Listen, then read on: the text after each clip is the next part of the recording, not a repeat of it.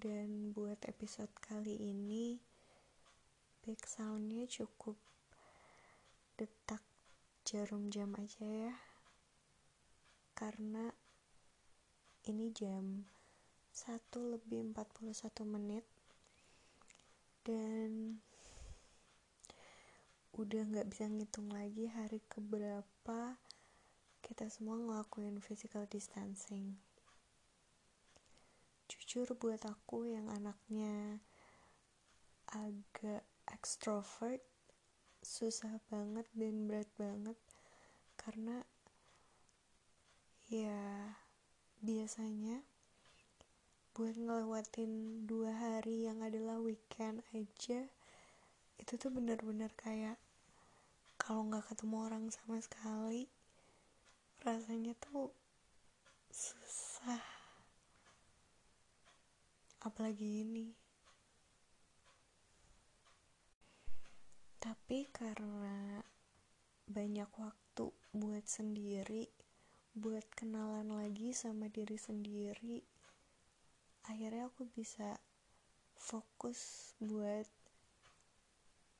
keep in touch sama inner child aku. Um, karena udah lama banget gak bikin podcast mungkin hari ini kita bahas soal si inner child ini kali ya.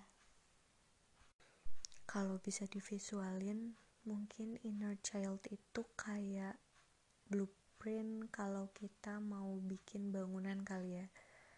Jadi ya dia tuh mapnya kita buat ngebangun siapa sih diri kita. Mungkin kayak gitu ini by the way seperti biasa pendapat pribadi aku ya.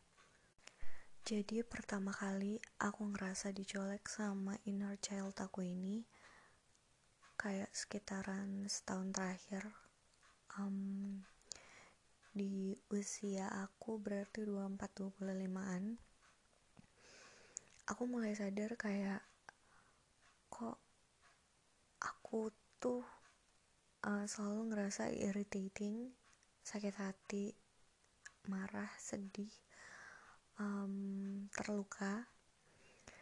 Itu tuh sama hal-hal yang patternnya tuh selalu sama. Nah di situ aku ngerasa kayak ini gue kenapa ya? Dan di situ mulai deh aku kayak nyari tahu apa yang terjadi sama aku um, dan aku ketemulah sama ya si inner child ini. Jadi kayak um, dengar podcast baca-baca buku dan ternyata ya emang ada. Dan semua orang punya meskipun ada orang yang apa ya ibaratnya um, inner childnya tuh mulai rewel. Ada yang nggak bangkit sama sekali gitu loh. Gitu. Sebelumnya aku mau disclaimer dulu. Jadi kalau misalnya um, ada orang yang bermasalah sama inner childnya itu nggak berarti juga bahwa oh orang tuanya salah didik atau orang tuanya nggak sayang sama dia. Balik lagi inner child itu kan kayak blueprint. Dan itu tuh ya sesuai sama persepsi si anak kecil ini. Mungkin misalnya si anak kecil ini ngerasa oh aku ditinggal di rumah dan aku kesepian. Dan di situ dia ngerasa kayak orang tua aku nggak sayang nih sama aku. Padahal orang tuanya itu um, ninggalin dia buat kerja karena pengen si anaknya punya kehidupan yang jauh lebih baik daripada yang orang tuanya bisa kasih saat ini. Hal-hal yang kayak gitu sih yang um, balik lagi kadang orang tua bukan jahat tapi mungkin mereka nggak bisa mengkomunikasikan dan si anaknya juga nggak bisa mengkomunikasikan apa yang dia rasakan. Jadi nggak dapat nih penjelasannya. Gitu. Itu yang bikin si anak ini punya persepsi-persepsi sendiri sama orang tua yang akhirnya bikin inner childnya saat dia dewasa jadi rewel gitu. Oke okay, kenapa sih kita harus ngedidik ulang anak kecil dalam diri kita? Hmm, dari beberapa informasi yang aku dapetin apa yang kita rasakan sebagai anak kecil perasaan-perasaan yang um,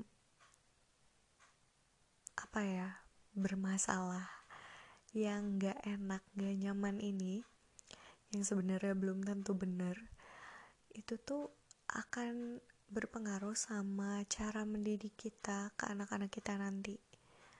Padahal apa yang kita rasain kan itu per persepsi dan pemikirannya kita pada saat kita kecil kan. Anak kita tuh pasti punya persepsi yang mungkin uh, berbeda lagi gitu. Karena dia kan individu yang berbeda dia bukan kita. Um, aku cuma ngerasa kayak karena sekarang juga aku udah mau nikah aku kayak aku nggak mau um, membiarkan aku mendidik anakku dengan cara yang sebetulnya dia tidak ingin dididik dengan cara itu gitu. Um, oke aku cerita sedikit boleh gak sih? Boleh lah ya aku sedikit curhat nih biar siapa tahu bisa jadi contoh. Um, perjalanan aku kenalan sama inner child aku dimulai dari satu pertanyaan.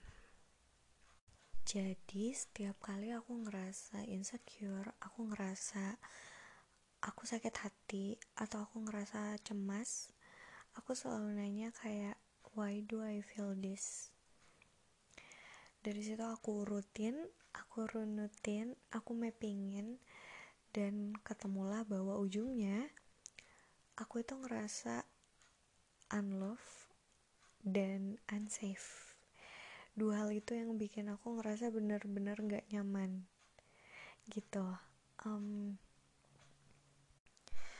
sampai sekarang aku masih work in progress buat um, ngedidik ulang ngasih tahu anak kecil di dalam diri aku bahwa apa yang aku persepsiin dulu apa yang aku rasain dulu itu tuh sebenarnya nggak kayak gitu loh gitu. Jadi um, sebenarnya aku tuh disayangin kok. Sebenarnya aku tuh uh, aman kok gitu.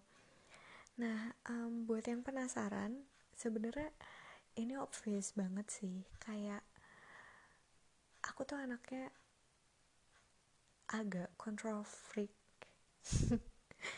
Ya aku agak control freak dan aku perfectionist dulu aku mikirnya itu karena um, ya buat yang percaya zodiak zodiakan uh, aku tuh Virgo jadi aku mikir kayak uh, kan kalau di apa ya kalau di majalah-majalah gitu ya atau di planet remaja ya lah ketahuan di umurnya. Eh udah ngomong juga sih tadi umur gue berapa. Ya jadi kalau misalnya di tempat yang ngomongin zodiak zodiakan itu tuh sering dibilangin bahwa Virgo itu sama dengan perfeksionis jadi aku tuh selalu ngerasa bahwa ya ini wajar kan gue Virgo gitu sampai akhirnya aku ikutan komunitas-komunitas kesehatan jiwa.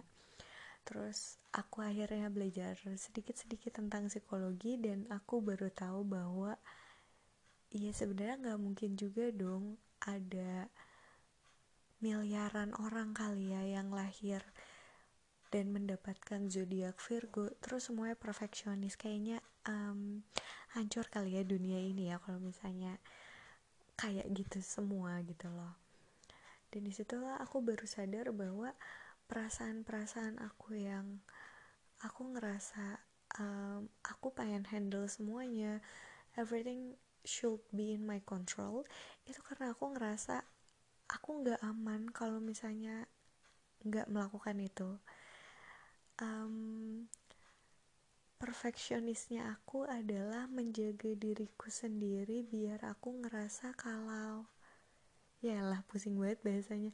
Ya jadi aku tuh perfeksionis agar aku merasa bahwa semuanya berjalan dengan lancar dan karena itu aku aman gitu loh.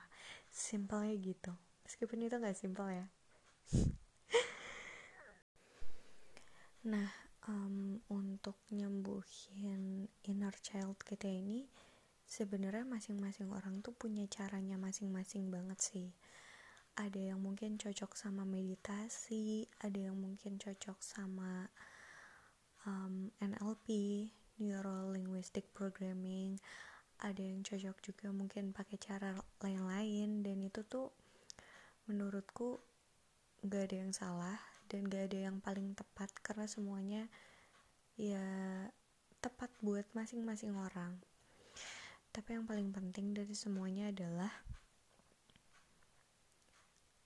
um, aku pernah dengar jadi aku lupa ini kutipan dari siapa tapi dia bilang if you never heal from what hurt you you will bleed on people who didn't cut you dan aku rasa itu benar banget sih. Kalau kitanya aja nggak bisa sembuh dari um, persepsi dan blueprint yang salah atas masa kecil kita kita bakal nyakitin lebih banyak orang. Kita bakal nyakitin pasangan kita yang mungkin bingung ini orang kenapa kayak gini doang marah? Kita bakal ngedidik anak kita dengan cara yang mungkin salah nggak cocok sama dirinya. Yang bikin si anaknya jadi iya punya inner child problem juga. Ya ini tuh jadinya kayak gimana ya? You continue this circle gitu loh. Jadi yang harus kita lakuin adalah putusin rantainya. Itu sih aku ngerasa aku harus putusin rantainya um, karena aku pengen punya anak-anak yang gak usah healing dari masa kecilnya gitu